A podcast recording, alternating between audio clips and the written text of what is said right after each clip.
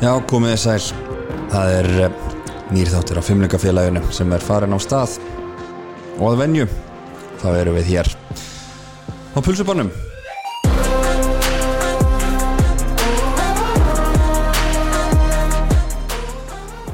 Hansi Láns landsleikja hlýja að baki. Ég ætla að tala sem minnst um hvað fór fram í þessu landsleikja hlýji en það fátum fína drætti þar og þetta snýst líka allt um FH liðið og eh, það stýttist óðum í næsta leik. Og það er heldur betur mikilvægur leikur. FH leiknir Reykjavík. 5. daginn 16. júni 1915 hér í Kaplakrika. Að sjálfsögðu eins og vanin er þá eh, eru það okkar allra bestu styrstaraðælar þetta er allt saman tekið upp á pulsubarnum. Það er allt morandi í góðum sumartilbóðum þar svo er það Unbroken skólu sér niður eh, með góðum Unbroken drikk og í verðbólgunni sem fer vaksandi þá er gott að græða pening. Þá er það að fara inn á auður.is sækja jæmpil appið, þú stopnar reikning tekur þrjár mínútur, hendir peningun á þínum inn. Þú vaknar ríkari á morgun en þú ert í dag. En eh, ég vil ekki bladra einn um þennan blessaða leik því að hingaðu komin afar góður eh, gestur. Ég ætla að fullir það að það eru fáir sem vita já mikið um íslenskan fókbólta og þessi maður. Hann er reittstjóri vinsalustu fókbóltasíðu landsins, ljónharður leiknis maður, reittstjóri bladamaður, lýsandi, útvarsmaður Elvar Geir Magnússon. Verður velkomin Já, takk hjálpa og takk fyrir þessa, þessa flótu kynningu. Já, það ekki? Gaman að, gaman að kíkja þarna til ykkar. Já, þetta er, það er búið að taka nýður hérna svona Já, hljóðdemparn okkar á, á, á barnum en, en við vonum að það kom ekki mikið að sög það er smá bergmála en ekkert eitthvað svona því, sko. heldur betur. En, hörru, það er leiknir Reykjavík. Næsti leikur FH Hmm. þú ert leiknismadur af hverju í ósköpunum? Já, það er rosalega einföld eh, einfalt svar við því. Það er hérna, ég er bara úr breiðholtinu. Ég er úr leikniskverfinu. Ég er uh, alveg upp í hólakverfinu í, í breiðholti. Uh, Pappi minn var, þjálfa, uh, var þjálfari og hérna þjálfaði meðal annars hjá leikni hérna ímsu flokka og, og alveg í meistaraflokkin þannig að hann hefur þjálfað ansi marga í gegnum tíðina og svo bara fór maður á leiknisvöllin kynntist öllu þessu fólki og æfði náttúrulega fótbolta þarna á sínu tíma með svona frekar slökkum árangri en, en það var gaman að þessu Þannig að þetta er svona leiknislið er bara þértaldið í blóðbórið já, það er eiginlega þannig. Maður er bara einhvern veginn svona algjörlega innvinklaður inn í, inn í fjölskylduna og hef alltaf verið bara leiknismæður En sko, hvað leiknir vinnur, hvað, fyrstu dildina 2014 mm. fyrsta sinni eftir dild 2015 þetta voru svona mögur ár fram að því eða ekki. Jú, það er rót að segja það. En þú veist, maður þekkt ekkit annað skilur, maður hætti veginn svona fylgdist með efstu deildinu bara af áhuga og svo var maður bara, þú veist, að fara í ykkur alls konar krummaskuð, hinga og þangaðu landið og, og elda liðið og þú veist, og þessu tíma náttúrulega leiknisliðir náttúrulega og bara félagi sjálft rosalega lítið, bara í einhverjum skúr hérna upp í breiðholti og þú veist, svo kom þetta gerfigras, skilur einhver sandpapír hérna og, og trébekkir eitthvað upp á hól til, a, til að horfa á þetta. Og aðróslega svona sveitalegt lið í, í, í borginni sko. og það verður náttúrulega vel fagnar þetta þegar sko þið farið upp 2014 en svona á þessum tíma hvort fannst þér líklega að þú myndir sjá íslenska karlalandslið í fótbolta kepp og stórmóti eða leikni í dild það er eiginlega góð spil á, á, þessu, tíma þá var þetta bæði eitthvað svo fjarlægt sko. Maður einhvern veginn svona það var eitthvað sem pældi ekki að sé ekki í einu sinni Nei, einhvern veginn að komast upp í fyrstu deildina, upp í B-deildina uh, á, á þeim tíma þegar leikni komst ánga það fannst mann eins og þetta væri bara það stærsta sem var að gerast bara á Íslandi maður einhvern veginn held bara þetta er bara er rosalegt. blaðanna bara. Já, nákvæmlega og manni fannst magna þegar svona einhverju stóri klúpar sem voru fórnir að detta niður í B-deildina bara allt innu þegar leikni var að spila móti fram á laugardalsvellinum í, í veist, þetta var allt saman einhvern veginn ókjörslega stórt sko. og svo, svo svona einhvern veginn svona, veist, bara festiliðis í sessir ókjörslega lengi þarna í, í B-deildinni. Gengur í gegnum hitt og þetta alls konar tímabil.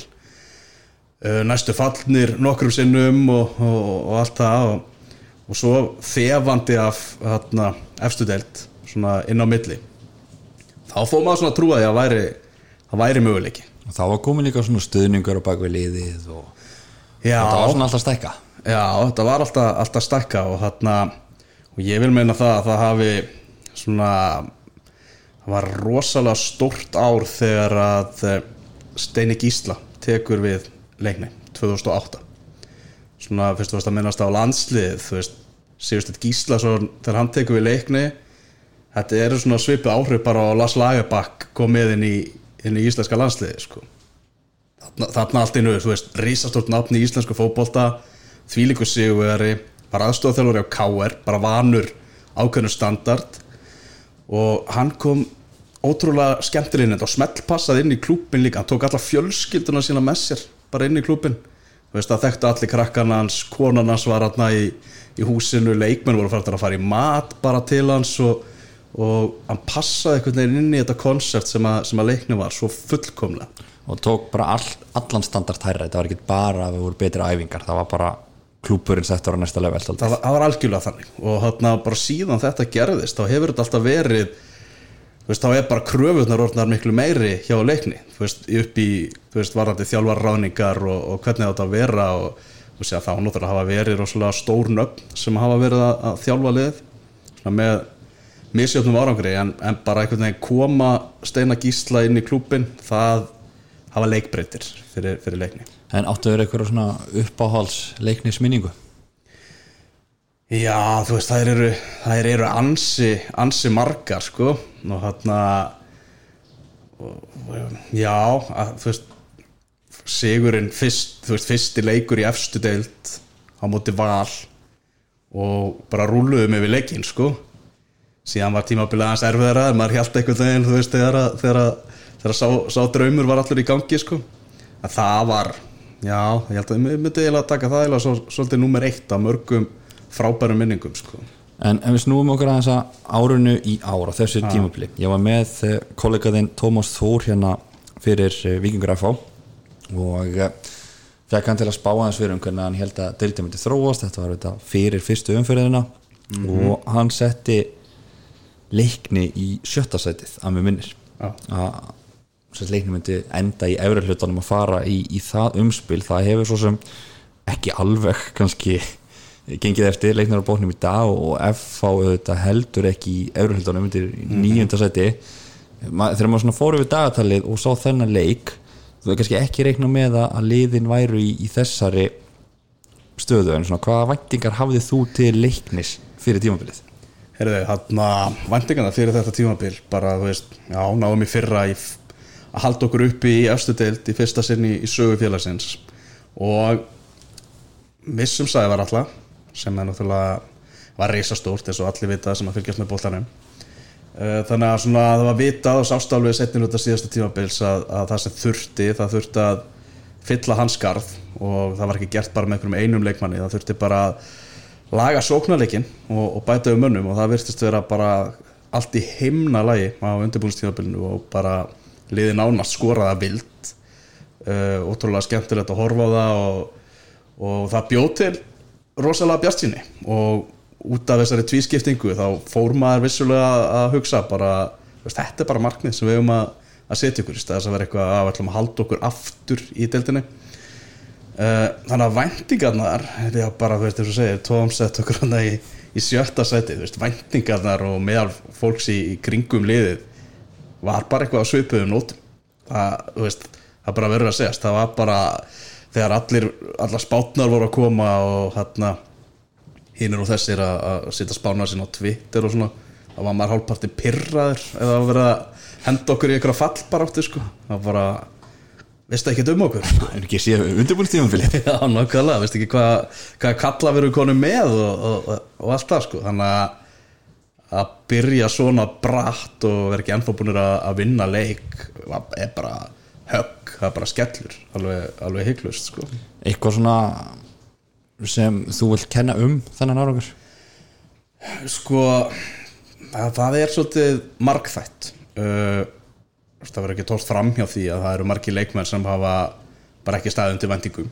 Og einhvern veginn svona mann finnst svona eh, leikmenn hafa margir hverju bara farið svolítið inn í skélina bara einhvern veginn leið og bestu delta stefið byrjaði að hljóma og, og þetta var að starra meira fólk á, á, á völlunum og allt hannig en svo náttúrulega verður liðið líka fyrir áfalli varnarlega því að e, erum við unga markmann, Viktor Freyr sem er búin að standa sig virkilega vel og hugmyndin svona sem að þú veist, Siggi Höskulds og, og hans menn í þjálfarateiminu voru með varðandi það e, þrýr svakalega reyndir hafsendar fyrir framann spila með þryggjamanna hafsendagerfi með binna hlu með óttabjarnar komin heim frá, frá skaganum og með Bjarka Aðarsteinsson fyrirlega bara menn sem hafa séð bara allt í, í bransanum sko. og ætti að vera bara mjög solid í Já. þessum stöðum sko. Já, svo gerist það bara veist, í fyrsta leik að Óttarbjarni fær hann að boltan í hausin á móti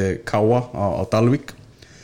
Fær hann að höfuð högg og heilarhisting og hefur brátt í erfileikum bara með að koma sér að stað aftur og, og byrja að æfa og er algjör óvisa með hann. Þannig að þetta þessi, þessi, þrý, þessi þrýr leikmenn sem átti að vera hann þessi veggur fyrir fram að Viktor hafa spilað saman 20 mínútur samtals á, á tímabilinu. Þannig að það það er náttúrulega, þú veist, svakaðið afall svo bara kemur þetta Danna Finnsmál, náttúrulega. Leikmaðurinn sem var bara besti leikmaður leiknis á undirbúinistímabilinu og eitt besti leikmaður undirbúinistímabil sem sá Íslandi.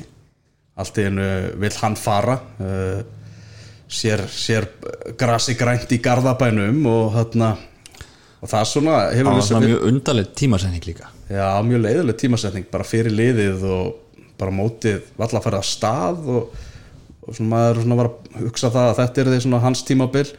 Uh, hefur vantað upp á sköpunamáttin á, á miðjunni eftir að, eftir að hann fór álega klálega, koma inn hérna erlendi leikmenn í, í sóknarleiknum sem að hafa ekki náða að standa til vendingum svo við bara tölum alveg reynd út, um, út um það. Þannig að þetta er einhvern veginn það var svo skrítið einhvern veginn að sjá þetta leið og móti fór að stað þá einhvern veginn gjörbreytist allt saman. Gjörbreytist liðið og og þú veist, erum með þarna á stólpar sem bara hverfa. Já, einmitt og þarna veist, og Siggi Höskulds sem er bara, þú veist, einna mín mati bara einna betri þjálfur um landsins í dag bara eftir að fyrst með honum bara hvernig það vinnur bara í návíi en er hins vegar ungur þjálfari og svona í fyrsta sinna að glíma við, við, við svona hluti. Þannig að svona maður er að maður er enda á að binda við vonandi það að leið og fyrsti sigurinn kemur vonandi hér á hérna á fymtudagin að þá svona byrja þetta meira að tekka menn fara út úr, úr skilinni og, og allt það. Þú vilt ekki frekar fá fyrsta sigurinn í, í leik sem þú getur mætt á því að hvorur okkar verður á fymtudagin annar kollegi okkar sem er að skemma það, beinir til bóas. Já, nokkuð að gifta sig bara hana, ofan, í, ofan í leikin sko. Í kvalfyrði líka. Já, akkurat. En það segir mér eitthvað að við þurfum að vera með með hlæðslu á símónum ég er búin að tjekka það fint fjög geð þannig í félagseimilinu og ætti að rettast allt. Já, Nei, en hérna, en, ok, þú náttúrulega þekkir leiknisliðið vel, segjum mm. að Óla og Bjössi myndir núna ringi í þig og koma með gott og þitt peningumslag já. og segja bara, já, alveg minn hvernig, hvernig við varum að spila á móti þessu leiknisliði, hver eru veikleikanir og hvað er það sem við, hver eru styrkleikar FO sem við getum nýtt gegn leikni Já, þetta er, þetta er rosalega, rosalega stór spurning. Ég meina veikleikarnir hjá leiknin og þurfulega markaskorun hinga til, það eru það eru bara fjögur mörg skorun í, í átta leikjum. Þannig að veist, það segir manni það að, að eins og þetta hefur verið hinga til þá þarf þetta ekki að skora mörg mörg á móti leikni til þess að, til þess að leggja á en uh, ég myndi aldrei taka við þessu umslægi hins vegar sko. það, er, það er bara þannig en hérna maður er svona að vona veist, bæði þessu lið, eiga það náttúrulega samilegt að væntingarnar bara fínar fyrir tímabilið og líka með hvernig undirbúinistímabilið þróaðist náttúrulega hjá FA og virtist vera svona stegvaksandi allan tíma þannig að það sker hérna leik náttúrulega ennþá, ennþá áhugaverðari. Uh, hvernig fótballalegur verður þetta, veist, maður veit það ekki og það sem er líka hérna svona breyta í þessu er þetta góða landsleikjarlið sko? Hvernig hafa liði náða að endur ræsa sig sko? Eina sem maður heyrði, þú veist, maður heyrði FOði tapa þetta verið þrótti vógum í, í æfingaleg sem að hljómar bara skelvilega bara svo, svo tölur hreint út með það. En þetta er hérna þú veist bara hvernig sjálfströsti verður í þessum liðum eftir bæði liður að hugsa bara er það er bara möguleik á því að vinna, reyna, reyna að tjekka þessu í, í gang og og já það er það er, það er meiri gæði í afáliðinu þegar, að- þegar að allt er skoða þannig að þetta verður rosalega áhugaverður leikur sko. ég veit ekkert hvað við erum að fara að fá á fimmtæðin sko. Nei, það, bara, það er alveg ómögulegt að, að spá eitthvað í spilningu það varðar en ef við sko, skoðum aðeins F-fólið þú talaður um flott, flott hérna, undirbúningstímabil hjá eh, leikni. Og það sama má segja um F og því náttúrulega þú veist, er, verða bara betur og betur með hverju leiknum þannig að fyrir sísonið og endur þetta á að vinna þennan markfræga deildar byggar er ekki það sem að kallar þetta? Uh. þá sem að hérna þau vinna viking í úslita leik þá þið, þið voru þannig að pyrra ykkur á því að einhver dyrðist til að spá leikni ekki í top 6 já, já. sko maður var fann að gera sér þetta væntingar um að FH verið bara í hörku titilbaróttu mm -hmm. hvað svona finnst þér að hafa klikkað hjá FH já, það hefur eitthvað neginn svona alltaf Jónatan alltaf seldur hann rétt fyrir mót missa alltaf þar já bæði markaskorur og einhvern sem á að leggja mikið upp. Já, nákvæmlega, ykkar Danni Finns. Hann, fyrir hann rétt fyrir mót. Hann að ég veit það ekki, bara einhvern veginn svona F-fálið hefur verið einhvern veginn miklu styrðara og, og hægara heldur en ég, ég bjóst við. Og veist, það er einhvern veginn já og svo alltaf þessi hérna bara Óli Jó alltaf að svara einhverjum spurningum um mögulega liðstyrkingar svona frekar seinir til að styrkja sig. Þá einhvern veginn kemur allt á miðsvæðið og uh, vantar í, í vörnina þá. Þannig að svona balansið virðist ekki vera alveg nægilega gott hjá, hjá F-áliðinu og síðan bara einhvern veginn svona, veist, þegar ítla gengur og lendir í einhverju svona spíral eitthvað þá er bara erfitt að, að vinna sig upp úr því og, og bara bæði þessi lið, það hafa einhvern veginn svona lent í því sko. En heldur það eins og, eins og fyrir FH heldur það þegar við tekið þessu langsleikja hliðið aldrei fagnandi að geta kannski einhverju hliðið bara aldrei núlstilt sig? Eða er þetta þannig að þeir fara úr síðasta leik það pyrringur gangi að fá ekki strax að fara út á völlin og, svara fyrir þetta. Já, ég myndi halda að það var eiginlega freka þannig hjá FH einhvern veginn, bara ef maður skoðar þessa karaktera sem, að, sem að eru í liðinu, þessi stóru nöfn og menn sem eru búin að vera í atvinnumennsku og allt það, ég held að þeir vilji frekar bara, helst spila bara daginn eftir og veist, allavega ætti það að vera þannig ef að, að hugsunarhátturinn er, er réttur. En eh, já, þessi þetta hlýja, eins og þú segir, það gerir svona ennþá meiri býr til ennþá meiri óvissu þátt einhvern veginn umönnuleika á, fimmtudaginn. En uh, FH nefnir sterkir karaktera heldur þetta sé jafnvel spurningum það að segjum að þeir náu tveimur sigurleikum í röð þá er þetta bara orðið allt annar pakki og, og liðið komið á rönn. Þetta sé kannski skortir á sjálfströsti og liðselt núna.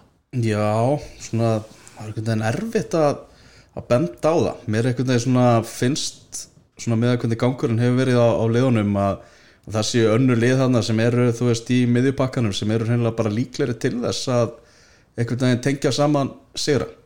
Því að það hefur verið finnst mér bara einhvern veginn rosalega rosalega einhvern veginn köplót hjá, hjá FH sko.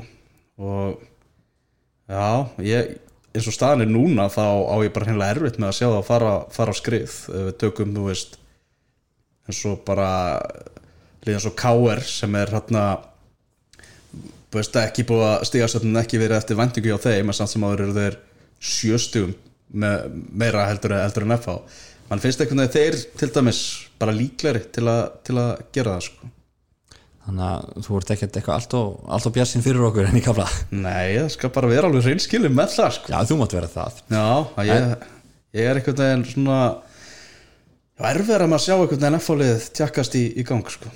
En ef við förum aðeins í bara kannski uh, mótið í heilsinni hvernig finnst þér bestadeildin hafa farið af stað, núna er svona já, áttara umförðir búnir, það er komin svona smá mynda á þetta. -hmm. eitthvað sem hefur komið nú sérstaklega óvart? Já, það hefur svona, þú veist ímislegt komið manni á, á óvart hannilega séð en hann að uh, ég er spenntu fyrir þessu spenntu fyrir þessari tvískiptingu og eina er bara vera að fara að skemma þetta. Uh, með því að vera bara alltaf góðir. Spurning með henni að leika mútið val þú veist, Ísak Snær þurfa að glíma við það að vera, vera án hans. Uh, þannig að Já, þarna deildið skemmtileg. Ég menna, ég er búin að sjá rosalega marga leiki í deildinni og flestir hafa verið bara afskaplega skemmtilegir. Og það sem er líka svo gaman við þessa deild, það er svo mikið að frétta efni í, í deildinni. Það er svo mikið góðsentíð eins og maður sér bara á, á lestrinum hjá okkur á, á fótballta.net kemur alltaf kapli það sem er einhvern veginn allir með allt á herðunum sér svaka dramatík og, og alltaf og, það, og sem námt í íslenska boltanum gerir þetta svo ótrúlega skemmtilegt. Eh, þannig að einu vonbreiðin eru bara að það er ekkert lið sem að getur veitt breyðabliki samkjafni bara eru að stinga og maður sér þá ekkert fara að mistiða sig upp úr þessu. Allavega ekki meira en bara eitthvað einn tvo leiki. Nei, og ef þið mistiða sig þú veist, þá sér maður ekki ennþá liði sem að á að taka eitthvað það svakalegt skriða þegar það geta komist eitthvað upp að þeim sko. Nei, maður hefði kannski ekki um eitt reikna með eftir áttum fyrir þá veru stjarnan og káa í öðru og þriðarsætinu Já, liðið sem margir sögum myndu segja hefði átt að bærast um já, þína menn um þetta sjötta. Já, sjötta sæti, en þetta er kannski það sem er gott við fútbollan, það er ofta erfitt að já spá fyrir um hvað gerist. Ég meina stjórnumenn í öðru sætti og ótrúlega skemmtilegir á, á tímabilinu en þeir eru með urmula af leikmennur sem eru svona að stíga sér fyrstu skref og eru að skapa sér nafn og, og það er alltaf þannig að ungi leikmenn, þeir eru, eru svona það er ekki stöðuleiki í þeim og hann að stjarnan er alltaf að fara að mistiða sig hér og þar sko. Þannig að já, svo káa jújú, jú, hörku, hörku öflugir en, en maður sér þá ekki alveg hafa það sem þarf til að, til að nálgast á og vikingarnir fyrir áfallið þegar yngvar Jóns er að, er að meðast og, og ég held að vikingar samt á endanum endi í öðru seti í þessar dild, mann finnst einhvern veginn þannig svona eru svona aðeins að fóta sig með, eftir að hafa mist Sölva og Kára og allt þannig þannig að ég held að vikingar endi í öðru seti munir svona salla sér upp. En getur, hefur trúið því að þessi viðfrægi sömarkluggi hafi eitthvað að segja núna því að það eru leikmenn núna í þessum, já, bestu liðum breyðablík, vikingur og, og fleiri lið sem að ég alveg ímynda mér að það sé ykkur njósnararfarnar að mæta á leiki. Kristallmáni, Ísaksnær og fleiri. Heldur að þú veist hversu mikill blóðmissir er það til dæmis fyrir blika ef, ef Ísak væri út í sumaklökunum Já, það er eiginlega svona veist þessi leikur á móti val er eiginlega bara svona leikurinn sem á að svara þeirri spurningu og, og það er alveg ljóst að ef að breyðarblik mistiðu sig þar þá er, er fjölmjölar og sparspekkingar að fara að tala um að, að, að Ísak hafi verið saknað. Uh, en það, þú veist, ég Ísak og stráttur að Ísak og Óskar Rapp myndu báðir fara í, í sumar klukkanum þá held ég að breyðarblik myndi alltaf klára þetta sko. Myndi bara Óli Kristján stíga þarna úr, úr skrifstofunni og, og, og taka við þessu og, og þeir myndi alltaf sigla þessu, sigla þessu höfna á, á endanum en uh, það er kannski líklegra finnst manni svona, með að við svona hvernig Krista allir búin að vera núna með undir 21. landsliðinu og við vorum nú með bara í útastættunum okkur á, á X-in og lögatæðin var Arna Gunnlaugsson að tala um það að það væri svona þegar að Kristall var að standa sér svona vel það væru, væru misjátna tilfinningar sem að væri að berjast um hjá hann þú slöku öllum símum kannski fyrir ekki að taka á móti tilbúðan já, já, því að það er svakalegu missi fyrir vikinga að, að missa hann sko. En það er hann að, þetta vonum að bara að þessi svona stórun öfni í þessar deilt veki aðtikli og standi svo úti því að þurfum svo sannlega á því að halda. Svo hefur það líka týðkast í sumaglökunum að leikmenn sem er klára tímabil erlendis, íslenski leikmenn mm. komið þá heim en það er eitthvað svona minna um þær sögursagnir núna kannski því það er kannski ekki ekki margir sem koma svo sem til greina en ef, horfum bara á F á leikni ef þessi lið ættu að sækja eitthvað í, í glukkanum hvernig myndir þú svona haga þeim málum það var bara direktor á fútból í þessum liðum Já, ég hérna uh, ég væri, væri myndi sækja leikni eitthvað sköpunaglavan á, á miðsvæð ég held að það væri væri það svona það sem ég myndi, myndi sækja. Uh, F á megin þá held ég að það er þið í vörnina sko. Heldur að þeir sem núna sko það var náttúrulega talað um fyrir móta þeir voru að passa sér rosalega mikið að taka sko rétta leikmannin þeir ætlaði ekki að fara út í eitthvað flopp fá einhvern erlenda leikmann sem er í þessi ekki nóg góður. Uh, myndur þess að staðaleðsins núna sér þannig að þeir þurfa bara að taka sjans fá bara einhvern miðvörð. Já, ég, ég myndi alveg, alveg klálega að segja það sko. Þarna, ef stráttur að sé ekki langt aðna niður þá, þú veist, FH er aldrei að fara að falla úr þessari, deild, það er bara ekki að fara að gerast, en þeir þurfa að halda sér í dampi því að það er strax komið alveg þokkalegt bil þarna upp í, upp í sjötta seti að þeir vilja fara að spila með alvöru liðum, ég menna það er því alveg skjálfilegt fyrir FH einhvern veginn að þeir eru að fara endi í sjúunda seti kannski í þessari deild uh, eru svona að fara að mæta öllum liðunum bara einhvern veginn í fallbaróttinu og FH hefur það enga að keppa.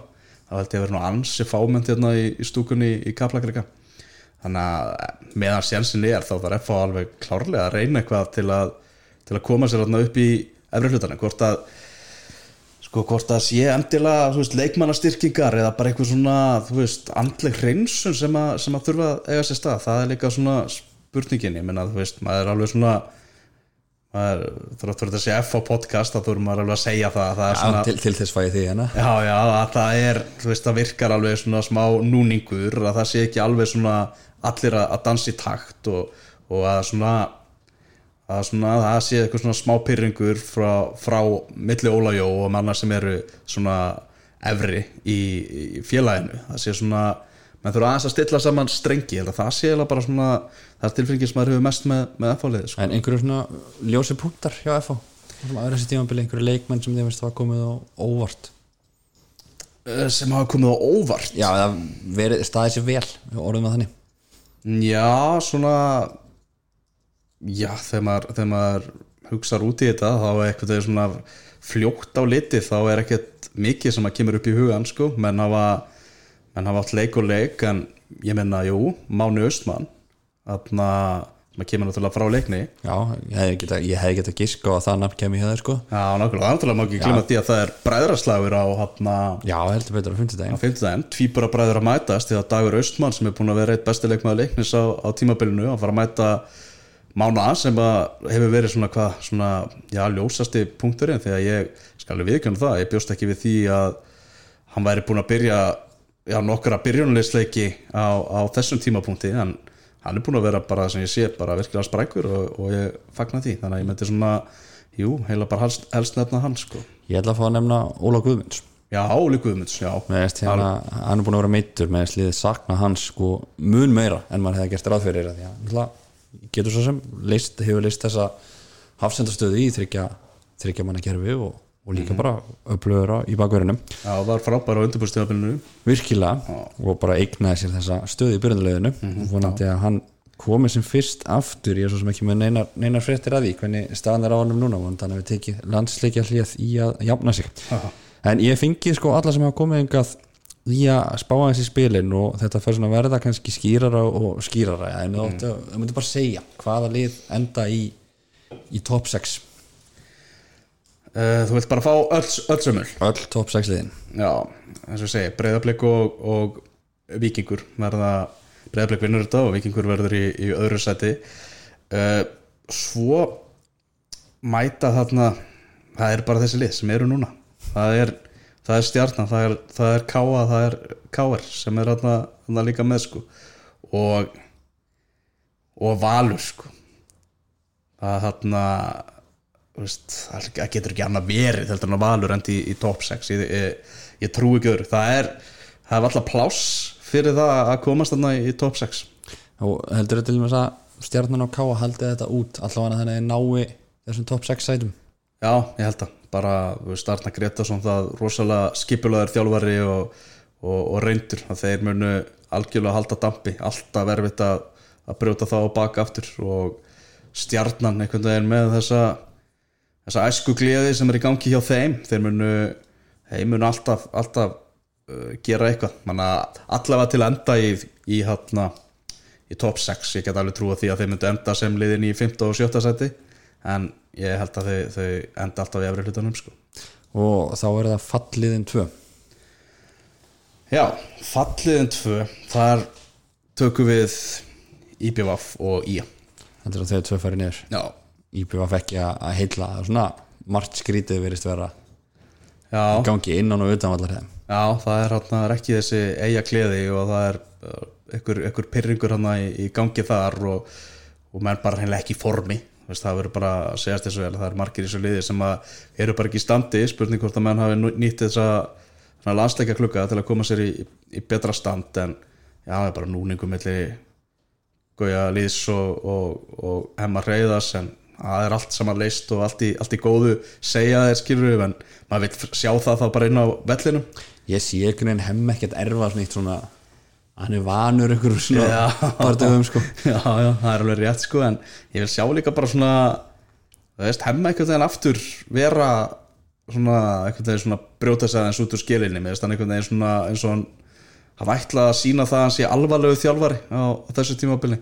En ég held að þau eru svona aðeins má ekki fa- að vera að fara allavega að milli við í, í því og já, svo er það bara já, skagamenn sem að verða í fattbarátinni það er alveg það sé bara morgun ljóst mikla vendingar á Akranesi hérna eftir, að, hennar sigur á móti vikingi en svona ég sem leiknismæður ég er að horfa helst til þess að þetta séu þau tvölið sem við getum komið okkur upp fyrir. Veistu þá til dæmis fram á Keflavík að staði sér betur en kannski margir spáði Já, ég meina svona eftir erfiða byrjun þá hefur hérna hafa keflað eitthvað fram svona náð, náð svona betri tökum á þessu. En ég hérna þau geta alveg súast í- niður í þetta alveg, alveg hygglust ég meina spurningum þetta verður allt saman með, með Joey Gibbs og, og það dæmi hjá, hjá keflvíkingum. En svona já, framararnir einhvern veginn sem nýliðar og með stemminguna sem að munur koma á þeim þegar fara á hennan nýja völlsinn loksins. Já, loksins og einhvern veginn með svo stóísku ró sem að ríkir yfir Jóni Sveinsinni og, og þeir eru óhrættir einhvern veginn óhrættir við að sækja þá, þá held ég að þeir munu á endanum halda sér í dildri en þessi tvískipting heldur hún muni bjóða upp á meiri spennu en ella svona undir lokin? Ég held að munu bjóða upp á alveg alls konar rugg í uh, neðri hlutanum þið hafi, hversu oft hafið þið útskýrt þetta fyrirkomulega núna í útastættunum ykkar Já, ég, þú veist, og líka bara við fólk út á götu sko. það er eitthvað það er svona það er, það er kemur þetta ekki allt aftur svona þegar svona 21-2 leikir eru búinir að Jú, það er eiginlega þannig sko. það þarf að minna fólk aftur á þetta því að, já, eins og þú segir, það er þetta þetta fyrirkomulega býður upp á það að það verður fullt af innbyrðis viðurreiknum sem að, sem að verða hann á dagskráni þannig að það getur búið til mikla spennu um Evrópusæti til dæmis í, í efri hlutanum. Og ég held einhvern veginn að veist, það gæti alveg verið að nánast bara öll liðin sem verði í neðri hlutanum verði bara í fallbaráttu þegar þessi tvískipting byrji sko. Ég held svona, ég voru sérstaklega til þess, ég ljósi þess hvað, hversu já, öflugir blikar eru. Þá horfum ég helst til þess að þessi uh, neðri hluti verði alveg gjössalega rugglega en svo verður bara spennandi að sjá líka bara þú veist, ef þú ert stöðningsmaður lið sem er í neðri helmingnum, hvort þú náir að gýra þau upp í það að, að mæta á, á, á, á leiki á móti þessum liðum sem eru ekki svona að trekka jafnmarka áhörundur af sér. Nei, en það er mynd kannski verður nöðsynlega ef þetta verður bara allt hreinlega fallbaróttu slegir. Já, en svona í seinni hluta þáttarins langar mér aðeins að fara yfir þennan fjölmiðla fyririldin já, því að þú ert ekki orðin mjög gammal þegar þú byrjar að að skrifa mikið um fótbolta. Hvernig svona hefst þetta allt saman? Já þarna uh, sko fyrst þegar ég byrjaði að skrifa í að starfa við fjölmiðla það var, það var í grunnskóla uh, Hólabrekkurskóla og þar var ég í árgangi með, með, með dreng sem að var með tónlistatímaritt uh, Sound. Og ég hérna hef ekki verið svona mikill tónlistaráhuga maður í gegnum árin svona bara eitthvað sem í en hann svona, þú veist, dróð mig aðeins inn í þetta og ég var alltaf inn og farin að taka einhver viðtöl við einhverjar hljómsveitir og eitthvað þannig sko. Og þá svona einhvern veginn fór ég að svona finna það að var veist, gaman að gera þetta, gaman að starfa við, við fjölmiðla. Og svona í kjölfarið þá hann að uh, byrjar þetta þannig að ég er með framtengingu, ég er að framfjölskyldu mikilli í, í móðurætt sérstaklega. Og uh, ég var fengið til að skrifa um heimalegi fram á heimasíðu fram sem að Stefán Pálsson sér um núna. Já, oft skemmtilegar svona skemmtilega lýsingar í honum. Já, ég langur að- formáli og að mínu, mínu pistar hann voru ekkert í líkingu við, við þess að Stefán Pálsson er að bjóða upp á núna. Aðeins, aðeins lakar efni en hann uh, út frá því síðan gerist það að F-fáingur sem heitir Hafleiði Breiðfjörð og er eigand og frangatastjóri fótbolta.net gaman að hafa F-fáing í hérna, áskrifstofun á hverjum degi. Það er, Ekki? jú, jú, það er alltaf, alltaf, alltaf gaman. Leiðilegt að geta ekki verið með honum á vellinum á, á fimmtudaginn. En hérna hann er þá að leita að uh, bara mönnum og einstaklingum til að, til að skrifa um leiki inn á fótbolti.net og uh, þá uh, fær hann einhver ábending um mig eða lesa einhverja greinar og, og spyr hvort ég vil ekki bara þú veist yfir höfuð fara að skrifa bara um hinn á þessa leiki? Nei, ég byrjaði bara að skrifa um framleiki fyrir, fyrir .net. Síðan svona vikaði það út frá sér og og hann og bara, já þannig að tengingi við fótbolta.net kom alveg ótrúlega snemma. Á kynntist maður náttúrulega síðan Magga og, og, og öllu því. Og síðan var komað því að þú veist, var ég komin í framhaldsskóla var komin í FB, var komin í fjölmjölafræði hjá miklu mestara sem heitir Magnús Ingvarsson og svo uh, eitt sumarið þá hugsaði bara heyri, ég, ég nenni ekkert að fara í bæjarvinnuna eða, eða eitthvað þannig, ég vil bara veist, starfa við þetta, bara fjalla um íþróttir og, og allt það, þannig að ég sendi tölvupóst fyrst á morgunblæði, fekk eh, höfnum þar. En eh, síðan sendi ég á, á eh, fréttablað og djefaf sem þá var með samæðilega íþróttelt og það endaði með því að Henry Birgir Gunnarsson tók mig, tók mig þar inn Eh, tók mig á eitt fund og, og tók mig þar inn og þetta var þeim tíma sem að að djefa far með allar byssurnar hérna að- að að vinna og hafa bara verið að selja hérna fórsíðu stríðsletrið í, í fyrirsögnunum bara á, á, á hverjum degi. Að það var- Birgi hefur nú ekki leist það.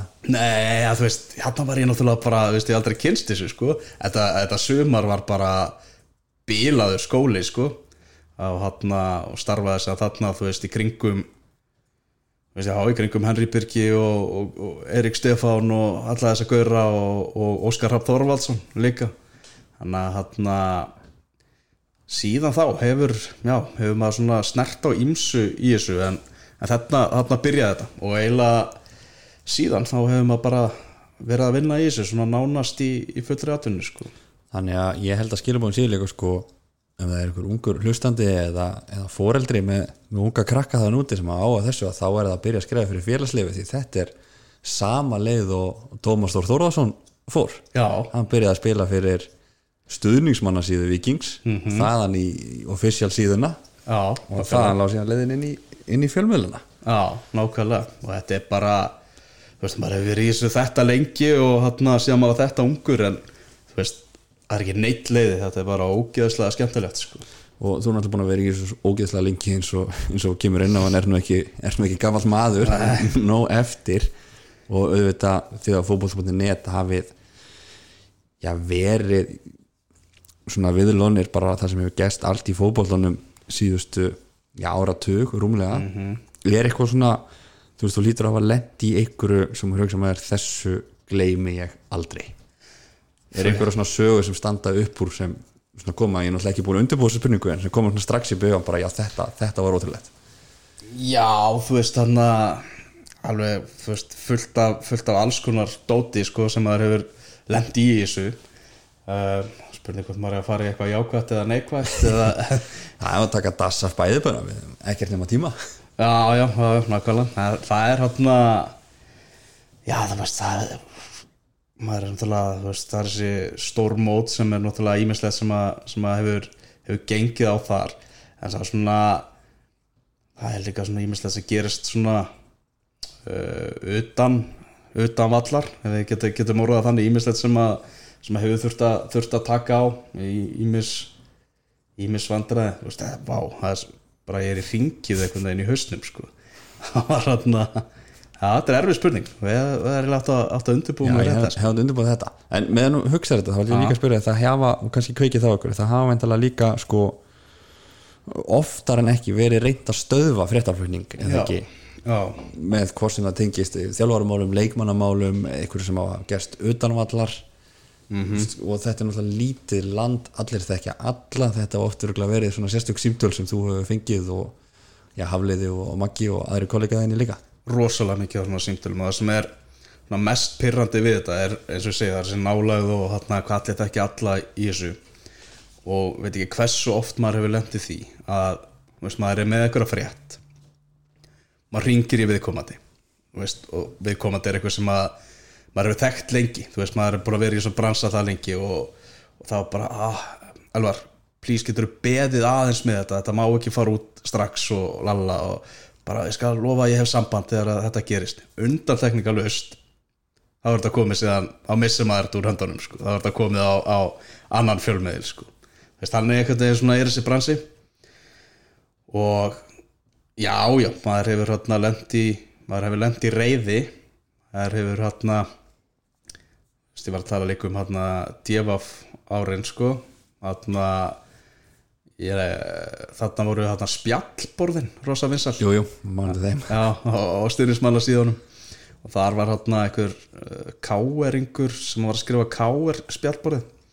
Þá var hann að tala um að uh, hérna uh, lukkudýri hjá fylki eitthvað svona tígristýr að það hefði uh, slegið Alveg slegið sig á, á, á leik og hérna og ég fór eitthvað svona hvað hva, hva er hann í gangi? Og svona ringi ykkur símtöl hérna og kjænst að því að þú veist, þú veist það er ekkert eftir svo í það að vera eitthvað einn að leika lukkudýrið hjá fylki en þannig að þeir voru með eitthvað svona fyrirkomulag að þessu var skipt á milli manna og það var einhver einstaklingur sem einhver harður fylkismæður sem að klætti sig í búningin hann að þennan dag og hann ákveða að fá sér bara nokkra bjóra og leysa þetta verkefni bara þannig vera bara svona nokkur res eftir, eftir nokkra bjóra þarna og svo var eitthvað þú veist, hefur K.R. unnið þetta eitthvað dramatískan hátt og K.R. stjórnismenn er að fagna þannig að hann slæra hann hérna í, í, í kjölfarið og hérna og, þegar ég svona kem með þessa hugmynd að, frétt og eitthvað þá hlýtur það góðan hljómgrunn já, svona í þessu, þessu divafdóti bara að fullur einstaklingur í lukkudýrspúning hafi verið að Slá næstæðingana slá stuðnings með KR og, og þetta var mjög eftirminnilegur vinnudagur. Og þarna var einn sem að var í fréttadettinu sem að sem að var með sterkar grunum það að hann hefði verið á eiturlifjum og vildi bara ég myndi láta það flakka í, í greininni. Hann var bara lukkudýr og dópi ég ákvað nú að það fara ekki, fara ekki alveg að Það er svo sem engar sannanir fyrir því. Nei, ég hafði ekki sannum fyrir því þannig að ég ákvað nú að þarna, eftir að var ráðfært við, mig, við Henry Birgi þá bara, Henry, nei, við skulum, skulum láta það kannski vera sko. En þarna, já, í kjölfæri þá fekk ég sko alveg símtul úr árbæ og, og þar var það var með svo hótanir sko.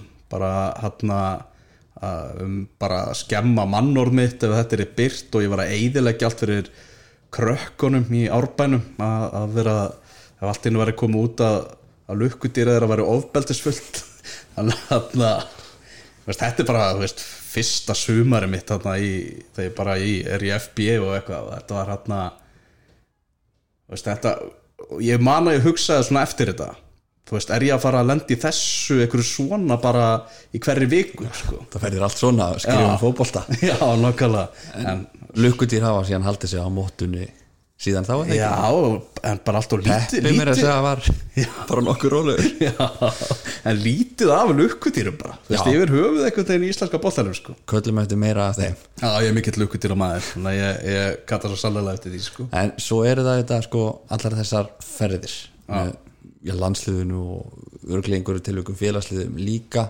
Komið til sko fleiri Európaríkja heldur en flest allir. Já. er eitthvað svona ferðir sem standa upp úr?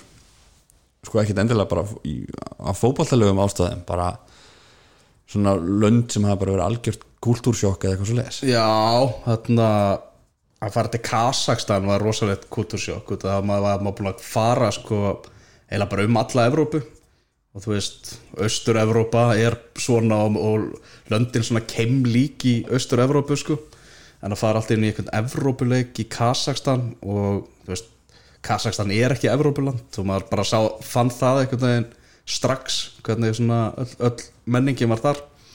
Og hérna ekki, þetta var nú ekki, ekki samt eins og í Borat sko, þetta var bara svona náttúrulega höfuborgin þarna sem heitir hvað núna, Núr Sultan eða eitthvað, náttúrulega bara eitthvað algjörs steik, bara með einhverjum alls konar skringilögum byggingum og, og, og allt það, þannig að það var virkilega eftirminnileg, eftirminnileg ferð. Uh, þú veist, hvað var það svona ánægin á gleðina? Var náttúrulega EM 2016 bara stórkostlegt uh, Rússland var samt svona sko fyrir utan leikina var svo ferð skemmtilegri. Vorum hérna í það kostaði ekkert. Í, Kabardinga einhverju litlu bæ í Rúslandi og, og fjölmjöla teiminaði alveg ótrúlega vel saman. Og hérna með einhverja sundlaug og í steikjandi hitta og milli þess sem að var að kíkja á æfingar og skrifa ykkur að fréttir og eitthvað það var bara, var bara algjör, algjör draumur. Og uh, hvenna mótin líka búin að vera alveg ótrúlega skemmtileg í, í Hollandi. Þannig að þetta er svona bandaríkjaferðin hjá íslenska landsliðinu áður en þeir fóru á HM hún var er sem spila móti Mexiko tailgate með mexikoskum stuðningsmönnum í San Francisco sko, það er bara algjörlega, algjörlega bilað sko. þannig að hann maður fann það líka núna það er þetta, þetta COVID dæmi kom. Og hann og kannski er það líka svona að þú veist svona að vinna á móti íslenska landsliðinu núna að eftir þetta COVID dæmi kom þá datt út náttúrulega heimsókn og æfingar utansferðir með liðunum uh, mixónið þar sem að þú veist hver og eitt leikmaður er að spjalla við fjölmjölamenn og einhvern veginn svona landsliði fjarlæðist svolítið fjölmjölamönnum sko. Þannig að hann ég held að það hef ekkert hjálpað þeim hvað var þess að neikvæðu svona gaggrinni sem hefur verið núna bara að sópast upp. Algjörlega en eh, já, þetta eru margar áhugaverða ferðir og, og er þá framöndan hvað, England á EM Kvenna og á að skella sér samt í Katar? Já, það er alltaf ég hef tvissa sem komið til Katar og hann svona fylst með það en skilur uppbyggingunni og, og því sem að þarna hefur verið í gangi. Og maður hugsa alltaf, þú veist, já, svo fer maður þriðjuferðina og sér bara mótið sko, ég held að þetta mót verði alveg geggjað, stórskemmtilegt. En nú er náttúrulega það er ekki hægt að fá gistingu þarna, þetta verður frekar, frekar dýrpakki og einhvern veginn svona það er að aukast þessi umræða um þessi, þessi mannréttindabrót og eitthvað. Það er svolítið slögt í lönguninni einhvern veginn að, að, að fara að þetta sko. heldur það er aldrei svona skrítimót af þessum sögum að það er einhvern veginn svona ég, bara með við þú veist það var náttúrulega mikil umræða þegar þeir fengum mótið á sínum tím og svo svona dóta aðeins en þetta er einhvern veginn stigvaksandi aftur. Já, það er og þannig kannski tengis líka auðvitað náttúrulega að já, sátanir kaupa hérna Newcastle og, og fara síðan að stað með þetta gólmót og þá svona eikst aftur umræðan um PSG, Manchester City og eigandópina þar á bakvið mm, Svo heyrir maður bara og með Dani þú veist uh, var svona um- umræða þar bara hvort er eftir bara yfir höfuð að mæta á mótið í Katar svo svona já við ætlum að mæta þannig að við ætlum að láta í okkur heyra og gera það bara mjög áberandi að við séum á mótið sem mann reykt þetta brotum og öllu því. Þannig að þetta verður og Katar er ekkert mjög hrifnir af því sko. Þeir, þeir vilja þakka niður í, í allri umræðu svona þannig að úr verður held ég eitthvað mjög mjög skrítið, eitthvað mjög skrítið andrúrslótt held ég sko. Og í november líka. Já, í desember. ég, ég held að sé eiginlega bara best að taka þetta heima. Uh, þú veist, bara í kuldanum hérna á Íslandi uh, leikir bara engin sólarskín og skjáin hjá manni þannig að það er fínt. Já, nákvæmlega, þú veist, og búið að stöðva náttúrulega allar Evrópu deildir og eitthvað þannig að ég held að hvað það varðar, þú veist, það er ekkert að tröfla það verða bara, veist, þetta mót verður bara aðal, aðal fréttaefnið.